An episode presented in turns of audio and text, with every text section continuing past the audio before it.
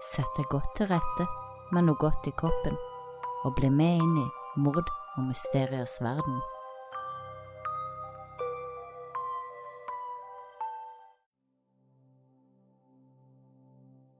Scientologikirka har i mange år vært forbundet med mystikk og undring. Hva er det egentlig scientologer tror på? Hva gjør de egentlig i kirka? Scientologikirka ble grunnlagt og starta i 1954 av science fiction-forfatteren L. Ron Hubbard, og på 70-tallet ble scientologi anerkjent som en religion i USA. Men de siste årene har scientologikirka blitt beskyldt for å være en sekt, ikke en religion. Det rapporteres om tøffe vilkår på innsida. Det meldes om vold, voldtekter, barnearbeid, underernæring, straff, hjernevasking, splittelse av familier, tvungne aborter, økonomisk ruin, billionerskontrakter og fangehold. Scientologikirka kom til Norge på 70-tallet, og det mest kjente norske medlemmet er avhopperen Geir Isenes, som også har skrevet bok om sin opplevelse. Utad for resten av verden er det kanskje Tom Cruise som er scientologikirkas mest kjente ansikt. Like bak kommer John Travolta, Kirstie Alley, Danny Masterson og Laura Preppen fra That 70 Show. Et av deres tidligere vel så kjente medlemmer, Lea Remini, fra Kongen av Queens, var medlem av kirka i 30 år, før hun i 2013 forlot kirka med et smell og tok sterk avstand fra kirka. I anledninga ga hun også ut boka Troublemaker, hvor hun beskriver hvordan kirken systematisk lurer og hjernevasker medlemmene, om regler og tro, og hvordan Tom Cruise ble forguda og er bestevenn med lederen av kirken, David Miscavige.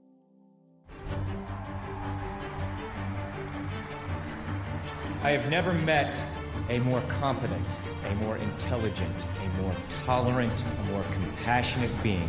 That is how Tom Cruise describes David Miscavige, the unquestioned leader of Scientology, one of the most controversial new religions on the planet. It's a story that affects every Scientologist. Within the church, he is exalted. Well, thank you very much. It's truly my pleasure to join you. He holds forth in front of adoring crowds and rubs shoulders with celebrity parishioners such as Cruz, John Travolta, and Kirstie Alley. But among some former members, he is wildly controversial. He uses that power to hurt people. Men Lea stoppa ikke der.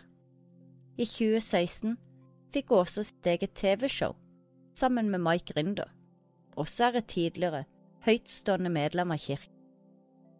I sammen har de dokumentert forholdene i kirken, og delt historiene flere titalls avhoppere om hvordan de har blitt behandla i kirken, og konsekvensene som fulgte med å forlate den. Mike Rinder forlot selv både barn og kone i kirka, og i tiden etter har kirka fått laget flere filmer hvor dattera og kona til Mike teller om hvor fæl han var mot dem. Dette er en typisk propagandavideo som scientologikirka lager om alle de som ytrer seg negativt. De skyr ingen midler for å splitte familier eller sette de opp mot hverandre. Da Elron Hubbard starta scientologi, var det først som en organisasjon i 1951, som et alternativ til psykoterapi. Var først i 1953 at han omdefinerte organisasjonen til å være en religion. Og da Elron Hubbard døde i 1986, eller forlot kroppen, som de sier i scientologi, tok David Miscavige over som leder for kirken, og han er leder den dag i dag.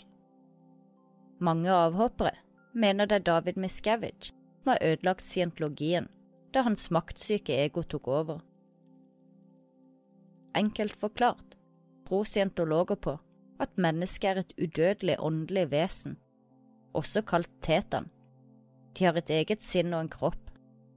Kroppen er et midlertidig hus som vesenet ditt bor i.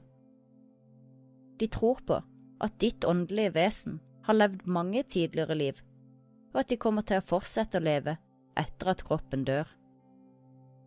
De tror at mennesket i utgangspunktet er godt, men har blitt forstyrret av smerte og ubevissthet i løpet av livet og tidligere liv. Disse forstyrrelsene blir rensa ut ved hjelp av e-metere, og det skal vi snakke om litt senere. De lærer at alt negativt som skjer med deg, det er fortjent, og noe du sjøl har gjort galt for å bringe ulykken på deg. Ofte blir det sett på som at du er en dårlig scientolog om du får en skade eller mister noe i livet. Å dø er bare å bytte kropp, derfor forventes det at man ikke sørger så lenge i kirka. Generelt beskrives scientologer som roboter uten følelser, og som gjør det de har fått beskjed om å gjøre. Kanskje var det det Elron Herbert ville se om han kunne oppnå. Mange ser ut til å ha glemt at han først og fremst var en science fiction-forfatter. Til slutt sies det at sannheten og troen er det som er sannheten for deg. Troen har en stige som du skal jobbe deg oppover. Dette kaller de for OT-levels. Det finnes åtte leveler du må bestige. Først på level åtte vil du få beskjed om at det er opp til deg å bestemme om det du har lært å tro på, sant eller ikke. På OT-level tre der får du vite den store hemmeligheten, som ingen har lov å snakke med de andre medlemmene om. Det er her de får vite den store sannheten til scientologi om menneskets oppstandelse. Det er kun de rikeste og de som vier absolutt all sin tid til scientologi, kommer seg til OT level 8. Koster utrolig mye penger klatrer på trostigen.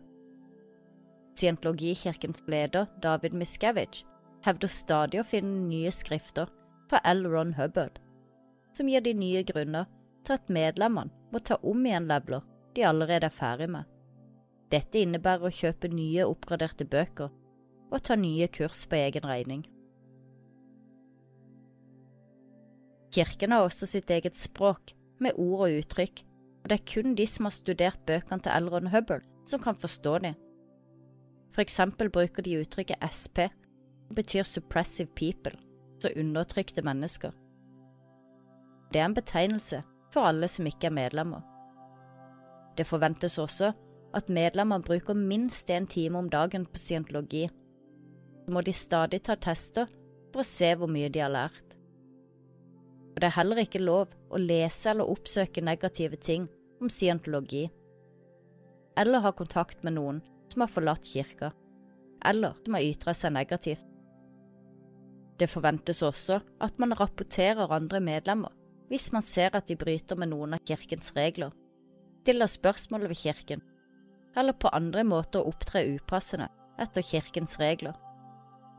Men alt dette, det finner du ikke ut av før du er såpass dypt inne i kirka og trosutdanningen at det er vanskelig å komme seg ut. Kirka er også kjent for å drive et ekstremt påtrengende arbeid med å følge opp de som er tvilende, avhoppere og medlemmer. Det er ikke fred å få før du lever, ånder, sover og spiser scientologi.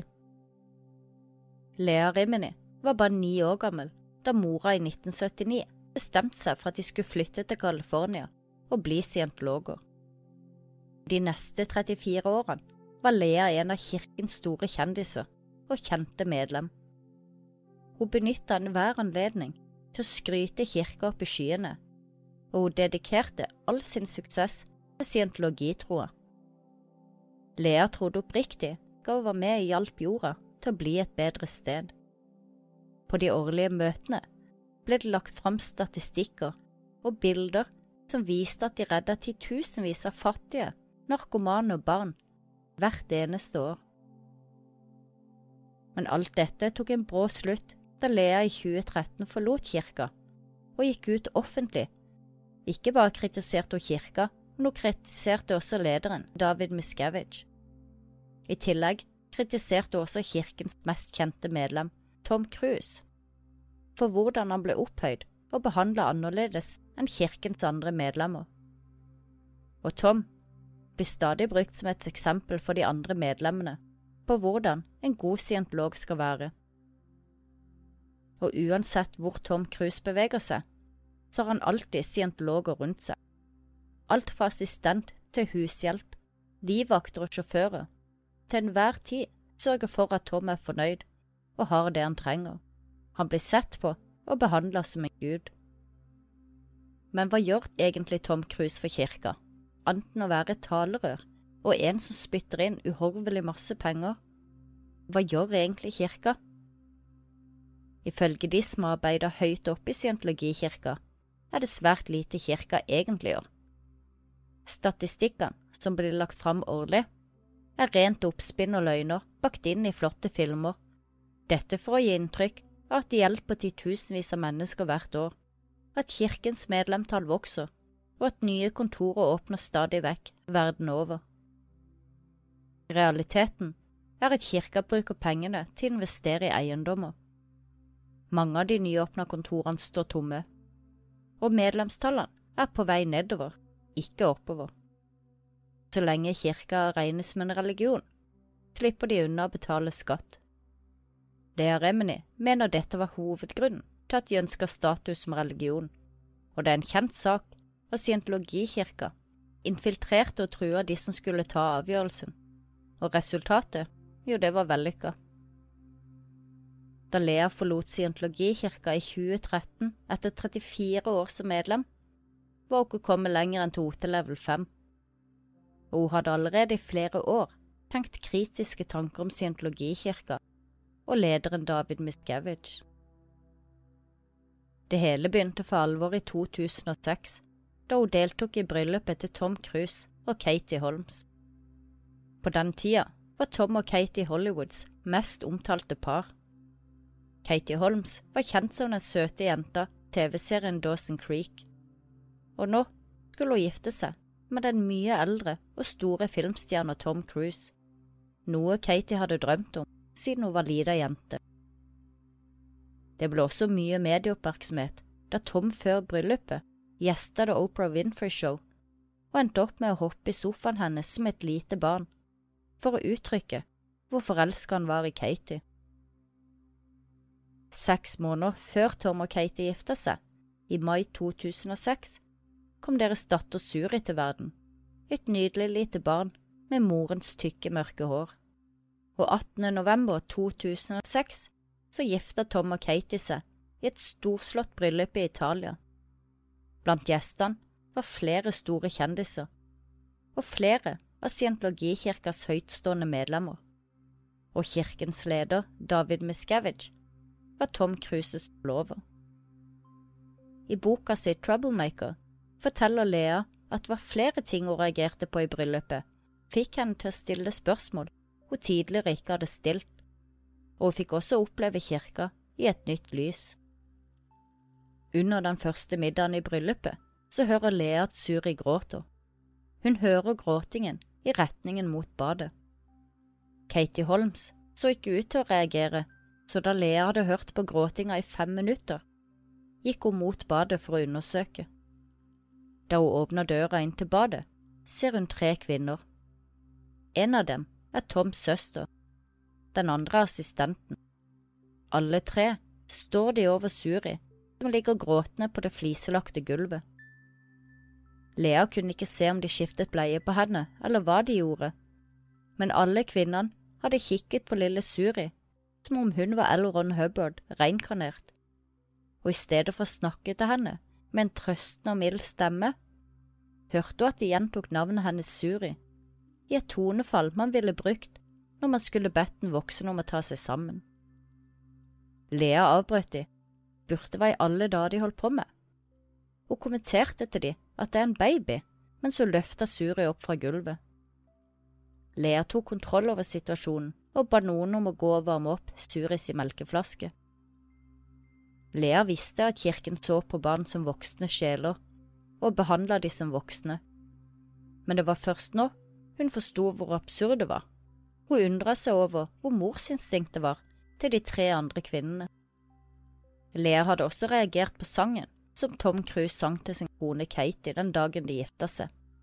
Foran alle gjestene hadde han sunget sangen You've Lost That Loving Feeling.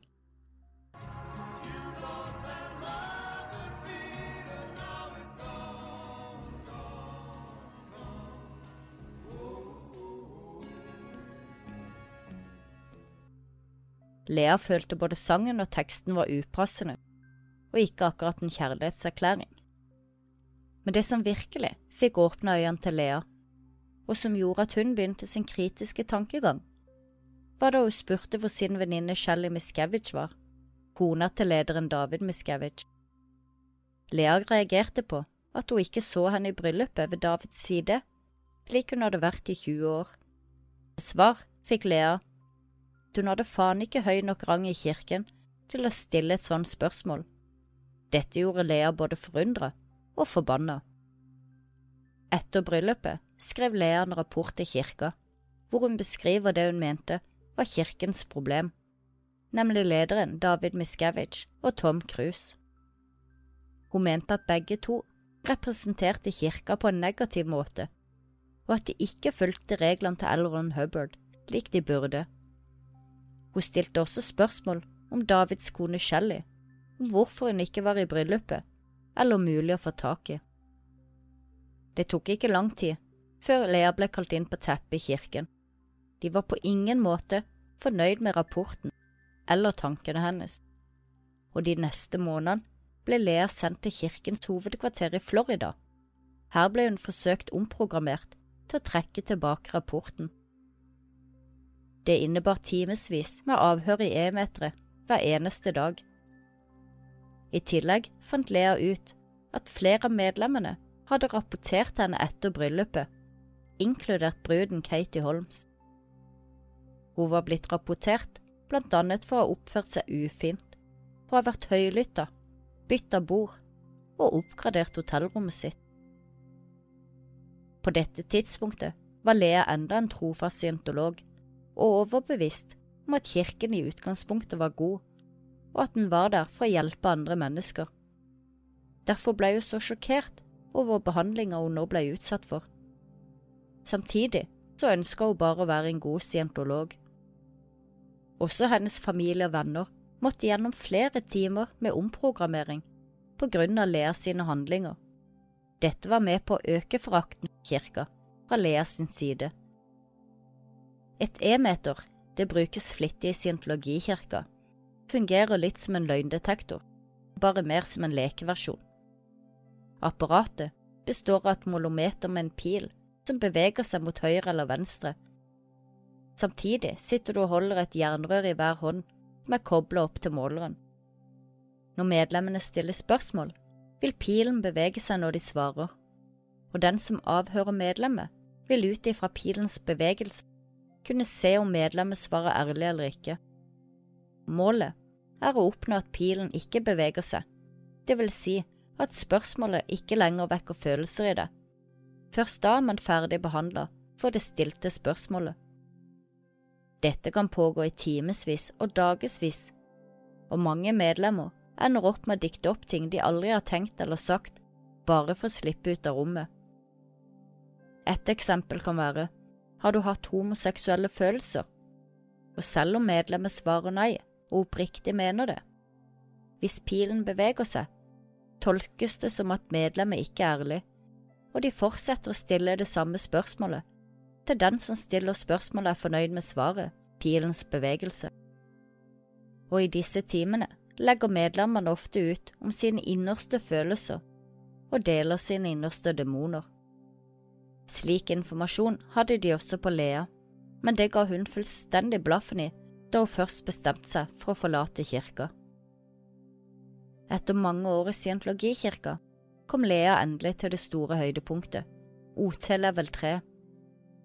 Her skulle hun endelig få alle svarene som hun hadde jobba så hardt for å få svar på i alle disse årene som dedikert scientolog. Det er mye hemmelighet forbundet rundt dette OT-levelet. Lea ble ført inn i et lite sikkerhetsrom, beskyttet av tre dører og vakter. På ærbødig vis fikk hun overrakt en koffert med skriftene om sannheten fra Elron Hubbard.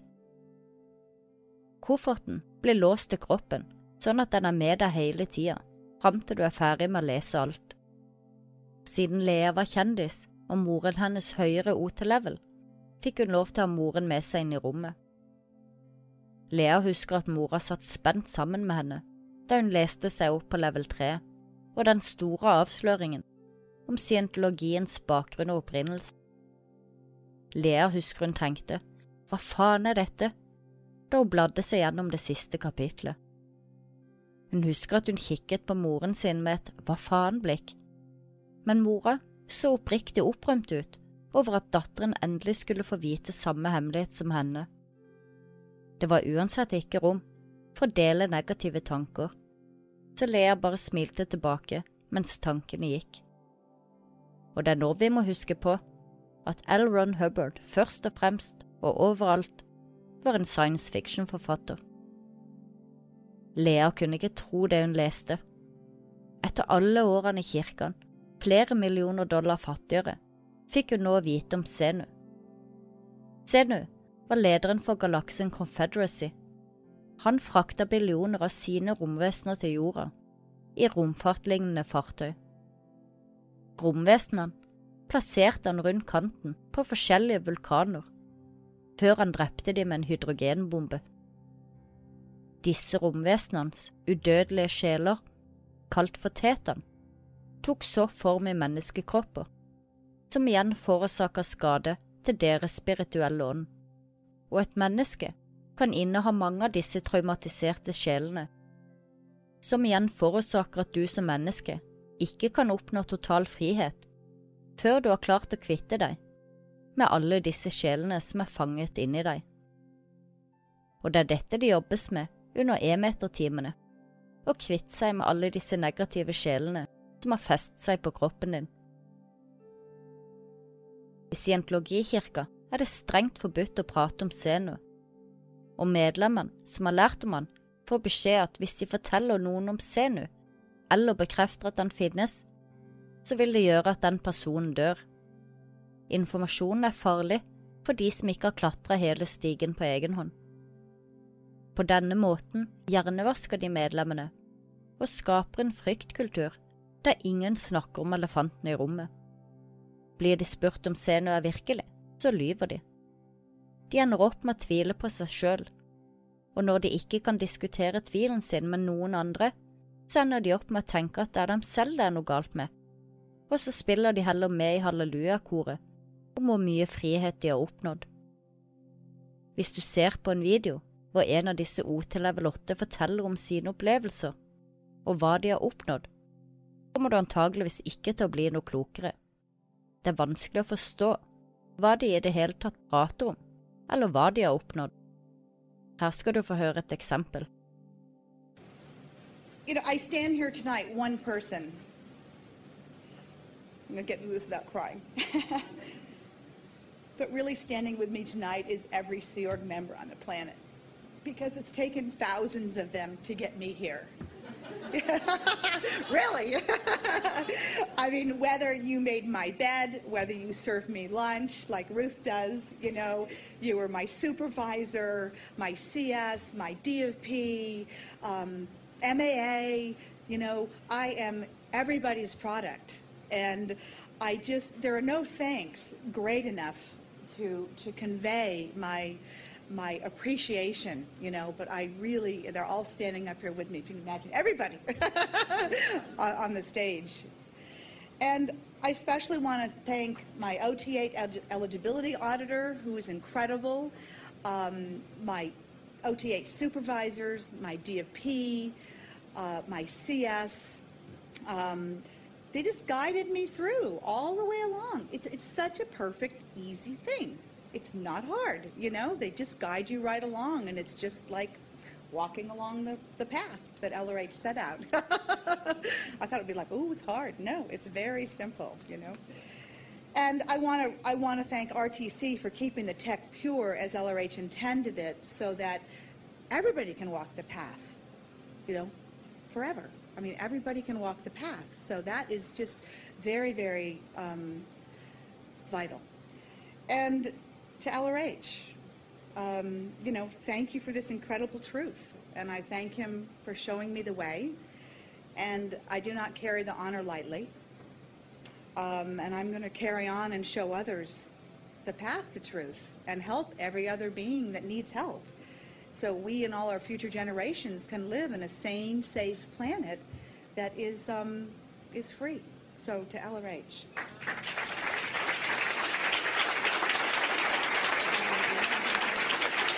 Lea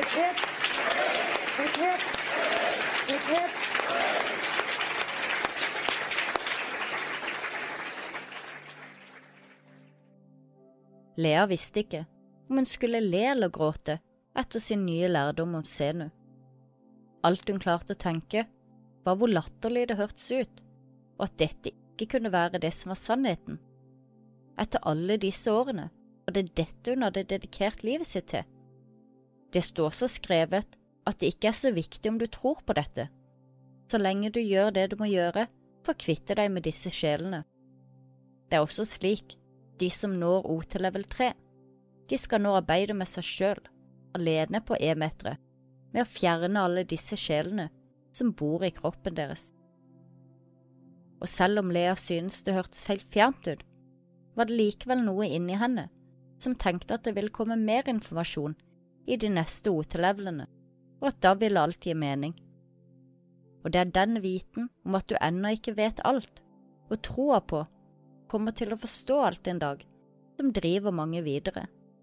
Du overbeviser deg sjøl om at det er du det er noe galt med, ikke scientologien, og så ender du opp med å fortsette galskapen.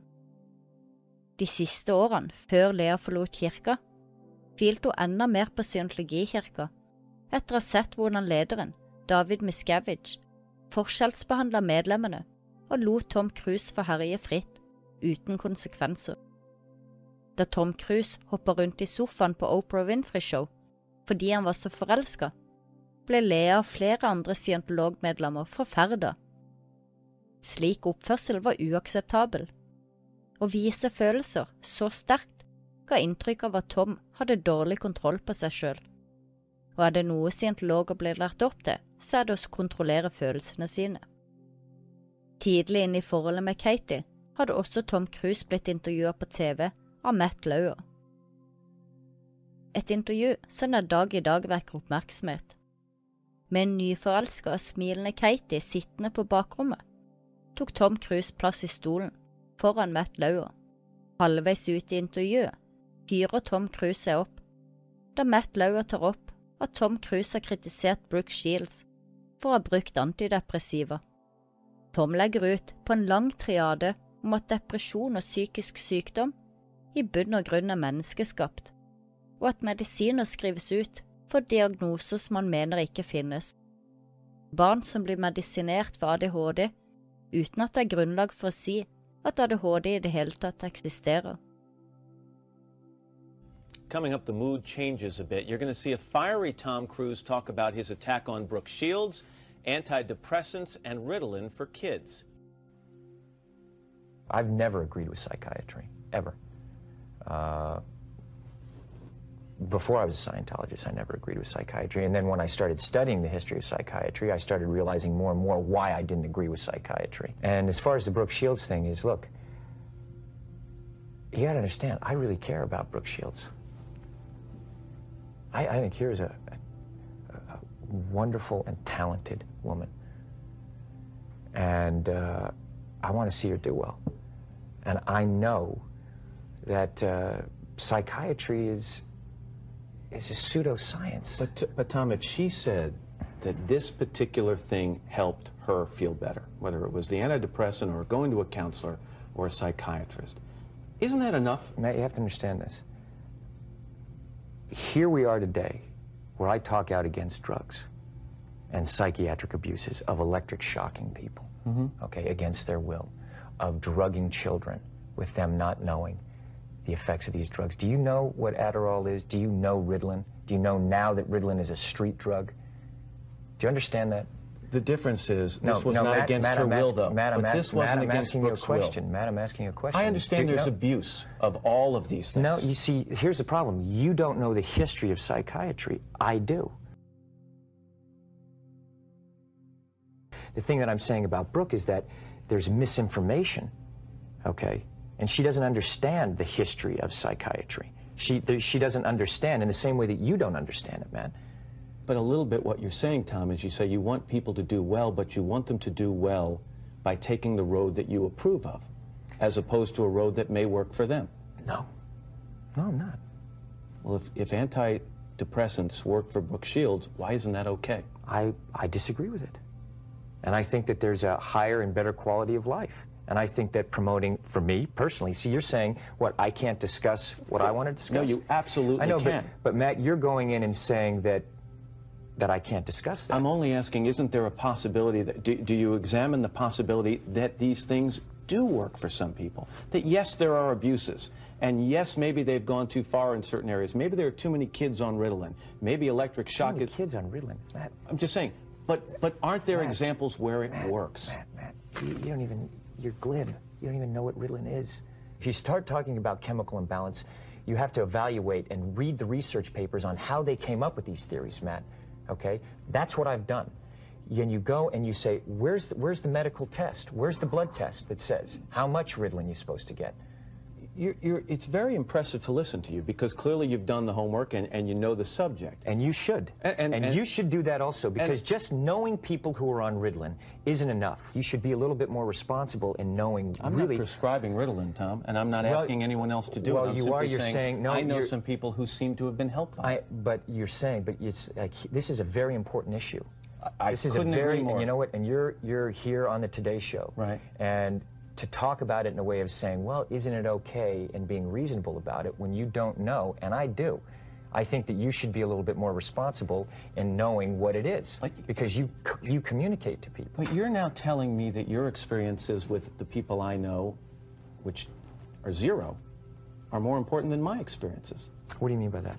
You're telling me what's worked for people I know or hasn't worked for people I know, and I'm telling you I've lived with these people, and they're better.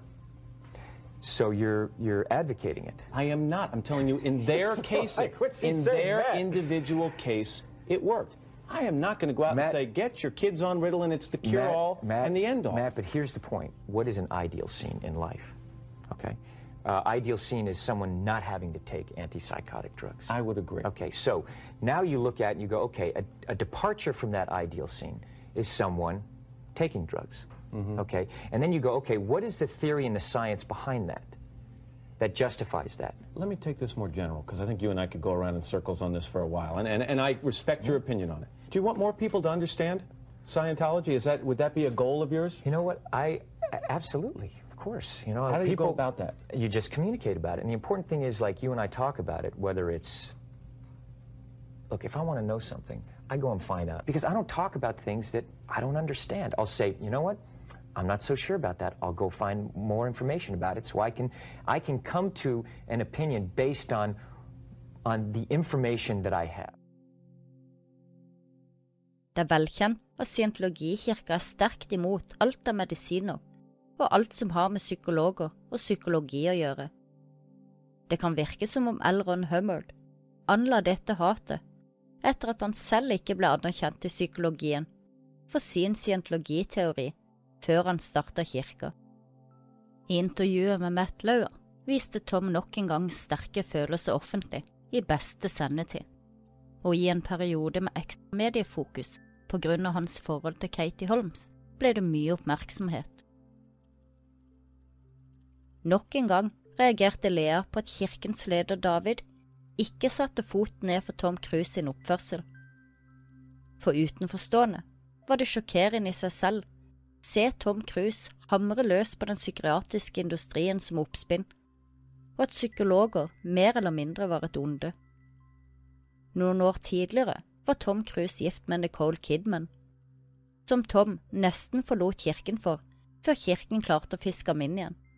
Og Nicole Kidmans far er en velkjent og anerkjent psykolog fra Australia. Og i 2012 slo nok ei bombe ned i kirka. Mens Tom Cruise var på filminnspilling i et annet land, tok Katie Holms datteren Suri og reiste fra Tom Cruise i en godt planlagt operasjon. Deretter fortalte hun Tom at hun ville skille seg umiddelbart. Det hele kom som et stort sjokk på Tom og resten av kirken. Samtidig var de livredd for hva Katie kunne finne på å fortelle om dem, og om Tom Cruise. Katie Holmes har uttalt seg svært lite om deres forhold til skilsmissen.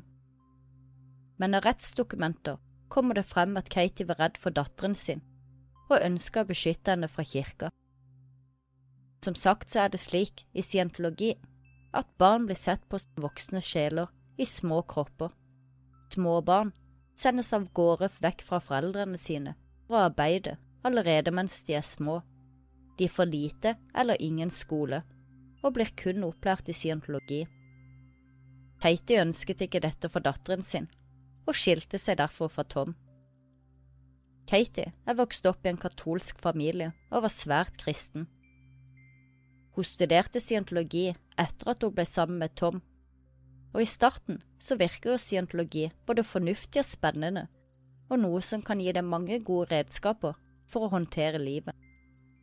Det er først når du kommer godt inn i kirka at man begynner å se alle de negative tingene, og da er det gjerne for sent for de fleste. For de har allerede brukt så mye tid og penger på å komme dit de er, og da innse at man har blitt lurt, er for mange vanskelig, og da blir det enklere å bare fortsette. Katies far er advokat, og det var han som arrangerte hele operasjonen hvor Katie forlot Tom. Katie var alltid omgitt av scientologer når Tom ikke var hjemme.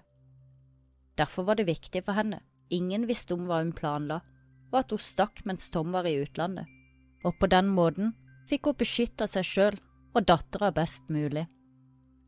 Katie fikk full omsorg for Suri, og hun skrev kontrakt at hun ikke skulle vise seg offentlig med noen annen mann de neste fem årene. Hun skulle heller ikke snakke om sitt forhold til Tom Cruise. Katie gikk med på dette for å få foreldreretten Suri. Første året etter skilsmissen traff Tom Cruise sin datter Suri noen få ganger, men de siste årene har han ikke hatt noe kontakt med henne, og det er jo fordi at hun og mora er å betrakte som SPS, så undertrykte mennesker og da har ikke Tom lov å ha kontakt med de. Og han setter rett og slett kirken foran sin datter. Men da Katie skilte seg fra Tom, var det som om et lys gikk opp for Lea. Plutselig forsto hun Katie og syntes synd på henne.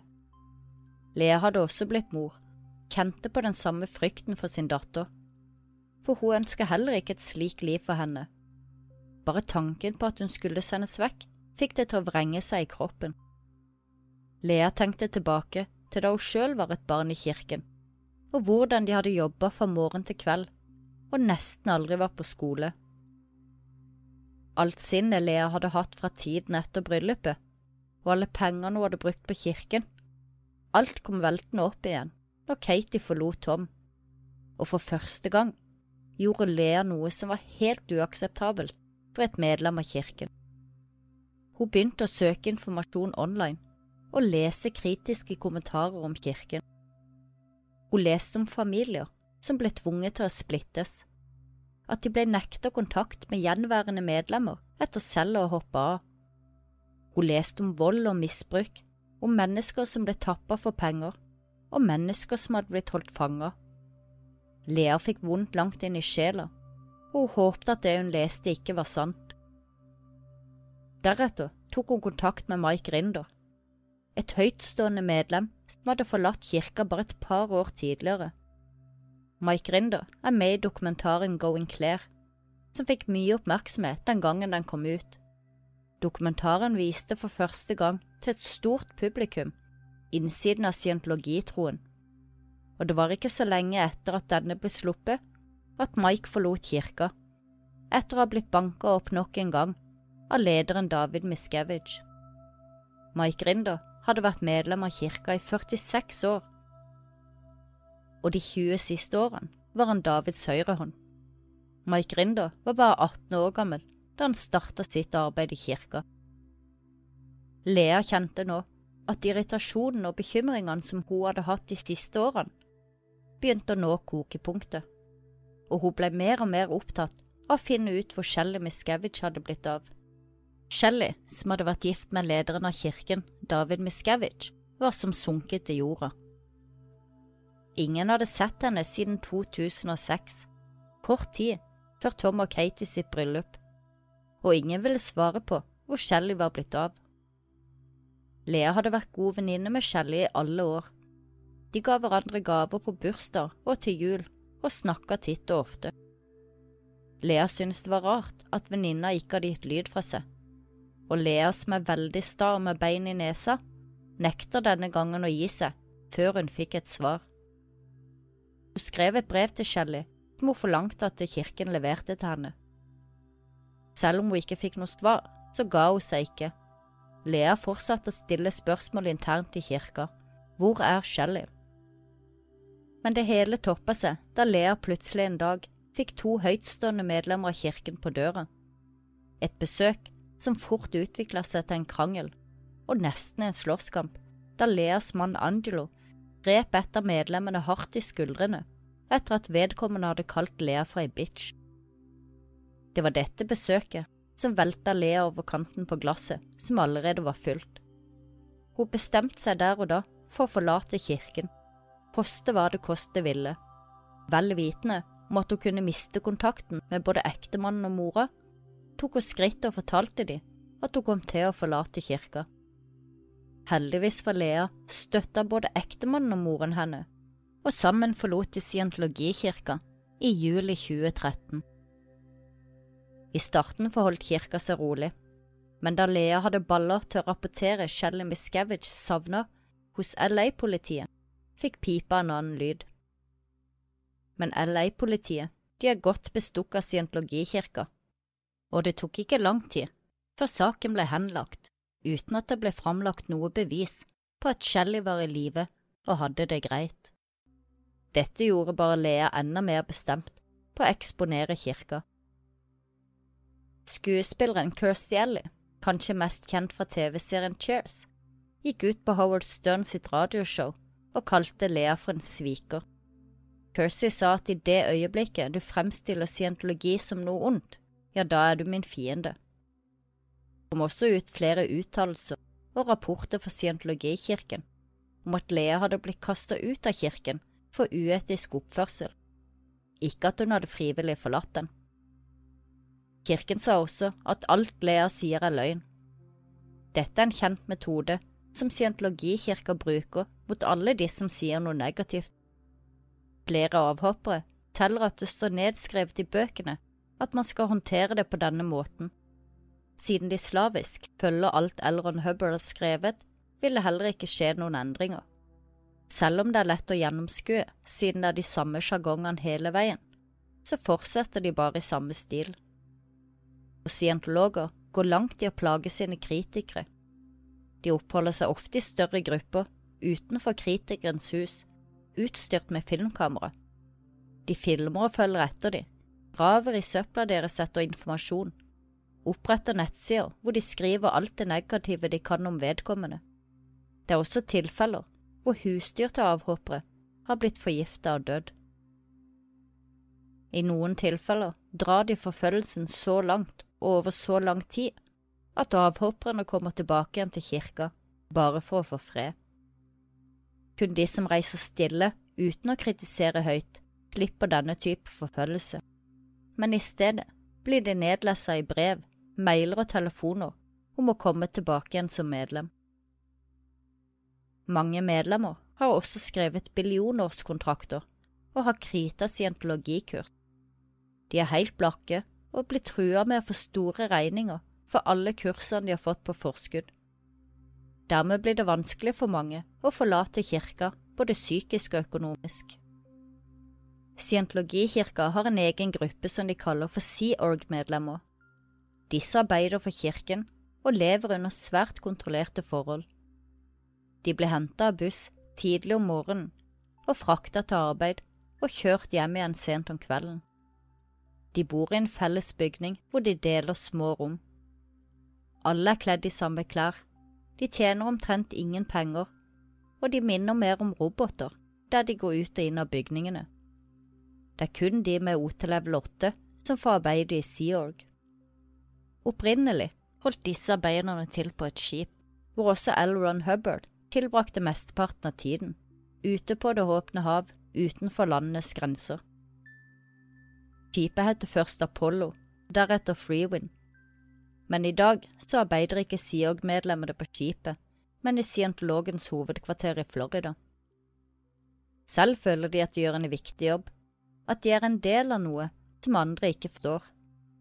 Siden medlemmene også lærer egne ord og uttrykk, blir det etter hvert enda vanskeligere for dem å kommunisere med de som ikke er scientologer.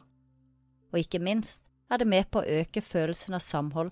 Det gir dem en følelse av å være spesiell, at de kan noe som de undertrykte menneskene ikke kan. I Seorg skriver de under på en billionårskontrakt, som betyr at de skal jobbe i Seorg, ikke bare i dette livet, men i mange av sine neste. De får minimalt med mat, og arbeidet består i alt fra vasking, lesing, bygging, alt for å holde kirken i gang og bygningene vedlikeholdt. Goldbase er scientologiens mest beskytta område. Her skal det være et stort underjordisk hvelv, hvor alle bøkene og skriftene til L. Ron Hubbard blir hugget i metall og lagra for evigheten, slik at hvis jorden går under, vil hans verk overleve for alltid. Scientologene som blir sendt her, blir ofte værende. Ikke fordi de vil, men det er ingen vei ut. Området er inngjerda med jernpigger som stikker rett opp på toppen av gjerdet. Det er kameraovervåkning på hele området og bevæpnede vakter ved alle porter. De som er her, har ingen kontakt med omverdenen. Og også her arbeides det fra morgen til kveld. Lite mat og fysisk straff om du ikke gjør som du skal. Det mistenkes Shelly Miscavige blir holdt her, enten mot sin vilje eller fordi hun er så hjernevaska at hun tror hun fortjener det.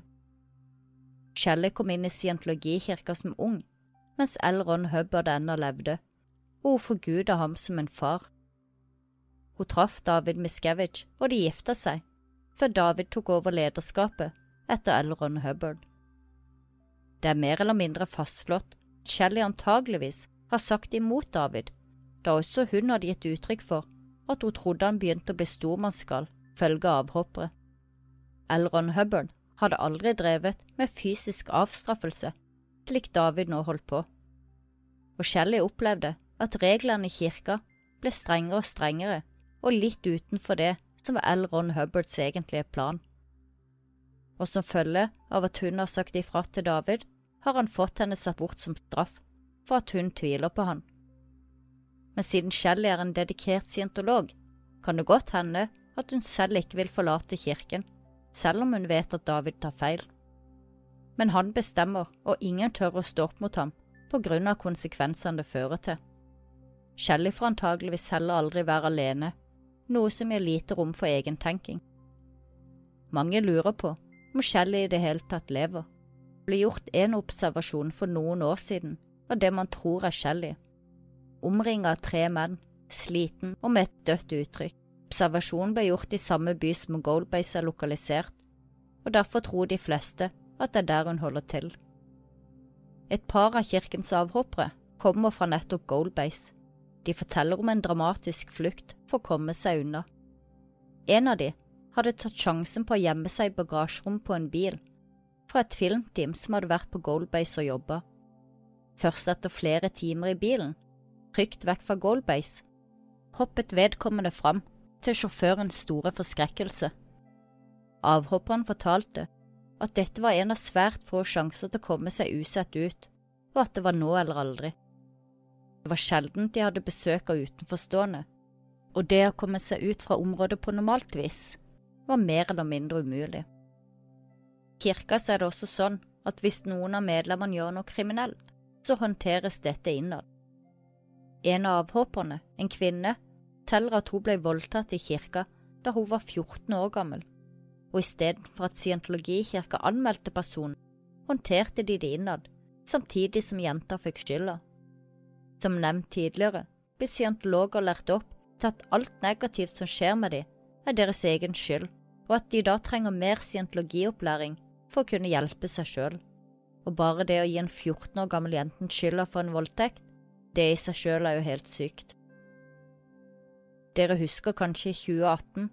Da holdt Tom Cruise på med innspillingen av Mission Impossible 6, ga også mye oppmerksomhet i Norge, siden deler av filmen er spilt inn på Prekestolen. Under et av stuntene i filmen som gjøres av Tom Cruise, går det helt galt når han skal hoppe fra en bygning til en annen. Han smeller inn i husveggen og knekker ankelen.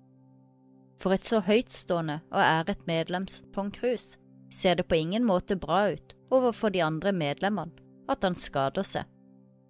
For hvis Tom Cruise, med alt sitt arbeid, alle sine penger og år i scientologikirka, kan skade seg på tross at han er på høyeste OT-level? Ja, hva betyr egentlig det annet enn at scientologi ikke virker? I deres øyne vil det nærmest være umulig at et medlem som Tom Cruise kan skade seg. Antageligvis har Tom måttet legge inn en del timer med e-metere etter denne hendelsen for å kvitte seg med de negative tankene og sjelene som gjorde at han skada seg. I 2015 gikk Lea Remini og Mike Rinder sammen og laga TV-showet Scientology The Aftermath. Her har de intervjua et titalls avhoppere og latt dem fordele sine historier og opplevelser fra kirka. De forteller om alt fra splittelse av familier, mødre som ble nekta å se barna, barn som ble nekta å se sine foreldre, barn som har vokst opp i kirken og arbeidet hardt fra morgen til kveld, blitt holdt atskilt fra foreldrene sine i årevis om gangen, barn som har blitt behandla som voksne og gjort voksenoppgaver, kvinner som har blitt tvunget til å ta abort da SIOG-medlemmer skal arbeide, ikke stifte familier, mennesker.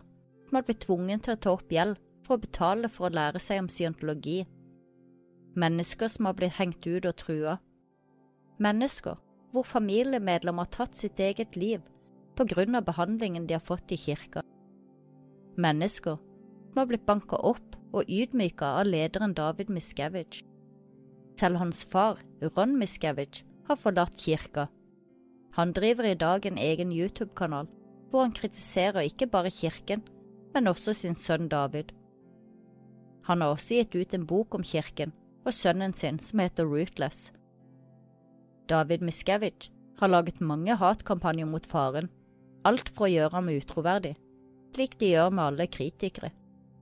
You have written a whole book about your son, and you've called the book Ruthless. Yeah. It's a pretty damning charge to level against your own child. He wasn't always that way. Ron Miscavige says he's written this book because of a Scientology policy called disconnection, which he says has torn his family and many others apart. I raised him, good or bad, and to come to this, what the hell is this?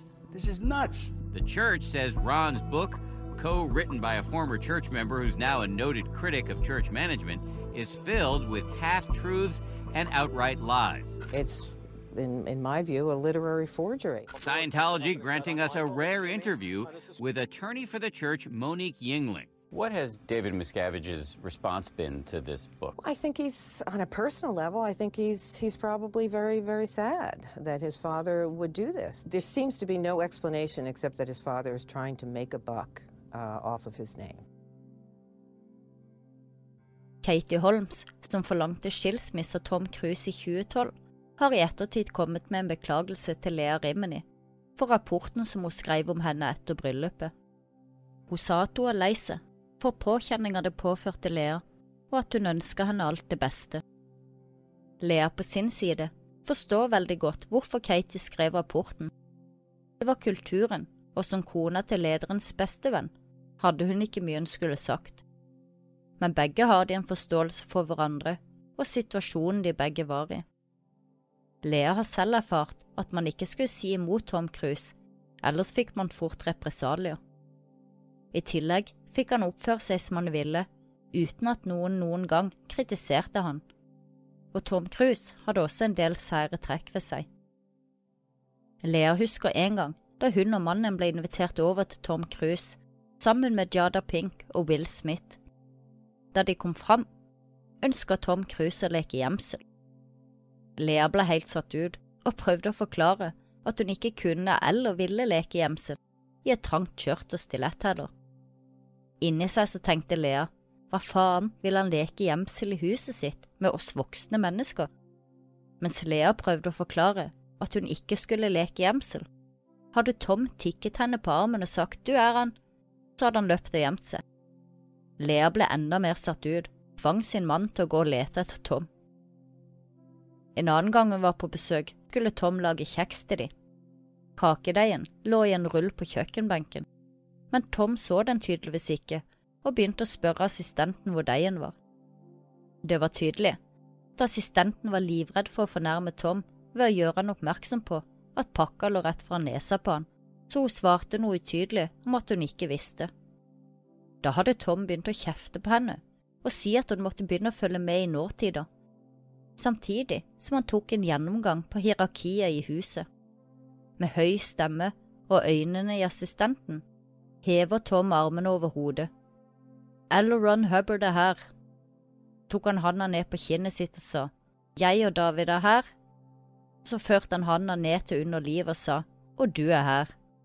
Lea, som opplevde hele seansen som superpinlig og sjokkerende, klarte ikke å dy seg lenger, og kremta. Tom, er det denne du leter etter? Mens hun pekte på kjekksteigen som lå rett foran nesen hans. Lea forteller også om barna til Tom Cruise, som han og Nicole Kidman adopterte da de var gift, Bella og Connor. Etter skilsmissen ble barna boende med Tom, og i dag har de ingen kontakt med sin mor Nicole, på tross av at hun ikke har sagt noe negativt offentlig om scientologi. Lea har hørt dem kalle henne for en jævla SP. Alle som ikke er medlem av kirken, er undertrykte personer, og det spiller ingen rolle om du er nær familie eller ukjent. Og barna som vokser opp i scientologikirka, de kjenner ikke til noe annet og tror oppriktig at alle andre mennesker må reddes, og at det kun er scientologer som har funnet sannheten. Skuespilleren John Travolta, kanskje mest kjent fra filmene Grease og Pulp Fiction, og hans kone Kelly, har vært medlemmer i mange titalls år. I sammen hadde de sønnen Jet, som 2. januar 2009 døde etter et anfall hvor han slo hodet i badekaret. Jet var bare 16 år gammel. John og Kelly sin sønn var autist, men siden scientologikirken ikke anerkjenner autisme eller andre slike diagnoser, eller tro på medisinering, fikk antagelig ikke Jet den oppfølgingen og behandlingen han trengte i forhold til sine utfordringer. I tillegg mener scientologer at alt negativt som skjer med deg, er din egen skyld.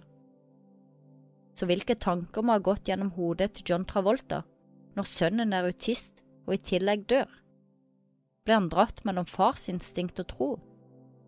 Trodde han oppriktig at sønnen hadde med seg masse traumer fra tidligere liv, som derfor ga han autisme?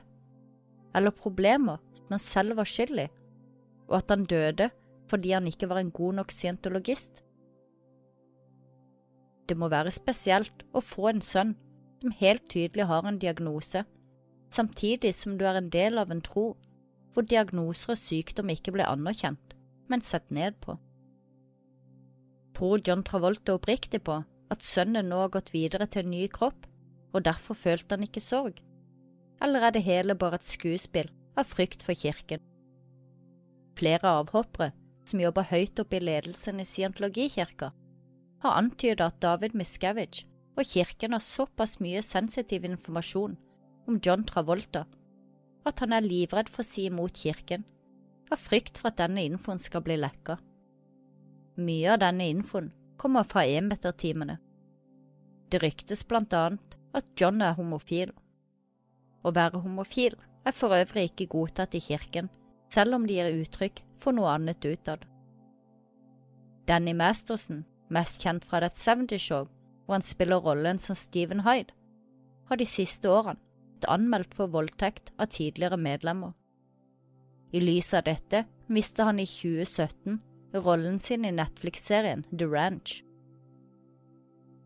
Danny nekter selvsagt for å ha voldtatt noen, og kirken står stødig bak ham. Sakene strekker seg helt tilbake til 2000-tallet. Tre kvinner forteller at de ser ifra til ledelsen i kirken men fikk beskjed om å ikke gå til politiet, og at kirken skulle ordne opp internt. I Norge har scientologikirka eksistert siden 70-tallet, og den opererer på samme måten som resten av verden. Geir Isene var medlem av Den norske scientologikirka i 25 år, før han i 2009 forlot den. Hans vendepunkt kom i 2006, da han møtte lederen David Miscavige. Før Geir forlot kirka, var han OT level 8, og han er en av få nordmenn som har kommet så høyt opp på stigen. I 2013 ga han ut boken 1984 Min vei inn i scientologiens dypeste hemmeligheter, og ut igjen. Her forteller Geir om sine erfaringer, og han avslører mange av kirkens innerste hemmeligheter. Han fikk selv kjenne på kroppen hvordan kirken opererer når man blir en avhopper og kritiker. En annen norsk scientolog uttalte etter at Geir forlot kirken. Den vendettaen som nå utspiller seg mot Geir, må også gjelde hans barn. Også Geir beskriver ledelsen i scientologikirken til å være det største problemet. Han forteller om griske og maktsyke sjefer og medlemmer. Også norske kjendiser er og har vært involvert med scientologikirka. En norsk kjendis som var medlem, men som hoppa av, er Thomas Seltzer, bassist og låtskriver i bandet Turboneger. I oktober 2013 kunne vi lese i Dagbladet at Thomas var i møte med NRK for å informere om at han var utsatt for drittpakker. Etter å ha forlatt kirken fikk Thomas vite at scientologikirken hadde satt han opp på fritt vilt-listen over personer som skal diskrediteres for enhver pris.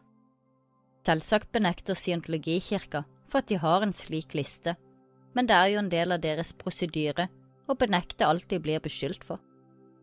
Scientologikirka gjør alt de kan for å skade sine kritikere, om det er med løgner, drittslengning, trusler eller politianmeldelser. Alt for at du skal holde kjeft og ikke ytre deg. Alt fordi at du rett og slett ikke ønsker å være medlem lenger.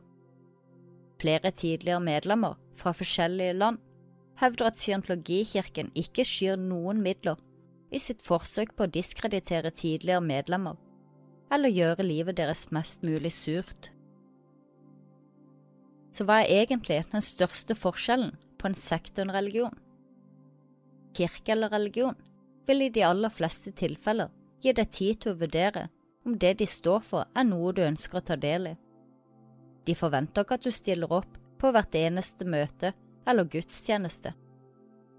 En sekt derimot vil gjøre alt i sin makt for at du skal bli medlem så fort som mulig, og de vil få deg til å binde deg 100% og bruke så mye tid som mulig på deres tro. En del av deres teknikk er å ofte unnlate å svare på spørsmål om hvordan troen fungerer på innsiden, samtidig som de henviser deg til introduksjonskurs og workgroups for å få svar på nettopp disse spørsmålene. Du får ikke bare med deg en bibel hjem til å lese, slik at du kan gjøre opp din egen mening. Du må betale for i det hele tatt finne ut hva sekten bor på, og innen du er ferdig med kursene, har du glemt hva du lurte på i utgangspunktet. I en seriøs religion er det alltid en høyere gud som blir tilbedt. Er du kristen, tilber du Gud, ikke presten. Mens i en sekt er det lederen man skal tilbe. Lederen som hevder å være utsendt fra en høyere makt. Og så fort en leder hevder å være den eneste som har de rette svarene, så bør varsellampene blinke. En annen tydelig forskjell er at i en sekt blir man kontrollert framfor å bli guidet. Er man medlem i en kristen kirke, blir man oppfordret til å være snill med medmennesker. Flytter det inn en ny nabo, hils gjerne på eller besøk dem ei kake. Men det er ikke slik at presten kommer for å faktisk sjekke at du ga naboen en kake. De guider og gir råd, som hvert medlem velger selv om de vil følge opp eller ikke. Mens i en sekt vil de følge med på hver bevegelse du gjør, og følger du ikke gruppens regler, vil du bli rapportert og det vil få konsekvenser. Og er man i et samfunn hvor kulturen handler om å følge med og rapportere hverandre, så skaper ikke dette grobunn for et trygt, godt, varmt og inkluderende samfunn. Der hvor en religion kan være et trygt sted for å få utløp for sine følelser, og hvor man kan få støtte av sine medmennesker, er en sekt ofte prega av at man ikke skal støtte seg på sine medmennesker, men gå direkte til lederen med sine problemer. Ved å få medlemmer til å rapportere hverandre, skaper de en kultur hvor ingen stoler på noen, og de ender opp med å føle at den eneste de virkelig kan stole på, er lederen. En sekt blir ofte forbundet med hjernevasking, og når man står midt i det, er det ikke alltid så lett å se det selv. Flesteparten av menneskene som er i en sekt, er gode mennesker og søkende etter noe større enn seg sjøl, men som over tid har blitt sakte, men sikkert hjernevaska, og gradvis fått bygd opp en frykt og mistro til alt som ikke har med deres tro å gjøre. Og når en religion krever at du betaler i dyre dommer, i håp om å få svar på de dypere spørsmålene, når de kontrollerer livet ditt i så stor grad at du ikke lenger kan tenke selv, eller velge selv hvem du vil omgås med, når de tvinger deg til å oppgi egne barn eller ektefeller for være en del av deres religion, ja, da mener i hvert fall jeg at det er blitt en sekt og ikke en religion. Tenk alle de som har vært medlemmer 20–30 år, som har betalt millioner av kroner, for så å finne ut at deres religion er basert på en tro om romvesener som ble drept av en hydrogenbombe. Ja, hva gjør du da? For mange kan det være et ganske hardt slag å innse at man har blitt lurt, at man har brukt så mange år og penger av livet sitt bare for å få et svar som for de aller fleste virker som rent oppspinn. Det må være et ganske stort nederlag. Jeg tror ikke Lea Rimini er den eneste som har tenkt hva faen er dette for galskap, etter å ha lest OT level 3 og fått informasjonen om seno-romvesenene. Det spørs hvor mange som hadde blitt scientologer hvis dette ble fortalt fra starten av. Det sies at en religion er en tro som overlever generasjon etter generasjon, mens en sekt sjelden klarer å overleve i mer enn 100 år. Scientologikirka har nå eksistert i rundt 70 år, og medlemstallene er på vei ned. Avhopperne blir flere og flere. Og eksponeringen av kirkens innerste sirkel og tyranni er godt i gang, så det spørs om de klarer å overleve 30 år til. For meg er det helt innlysende scientologikirka er en sekt og ikke en religion og selv om du helt sikkert kan lære mange gode leveverktøy av scientologikirka, så er den per i dag mer ødeleggende enn positiv for sine medlemmer. Mange avhoppere mener det er David Miscavige som har ødelagt scientologikirka med sin maktsyke og kontrollerende oppførsel. De sier at alt var mye bedre da L. Ron Hubbard levde, og kanskje var det bedre før, men uansett hvor mye bedre det var, så var L. Ron Hubbard science fiction-forfatter, ikke en budbringer av høyere makter.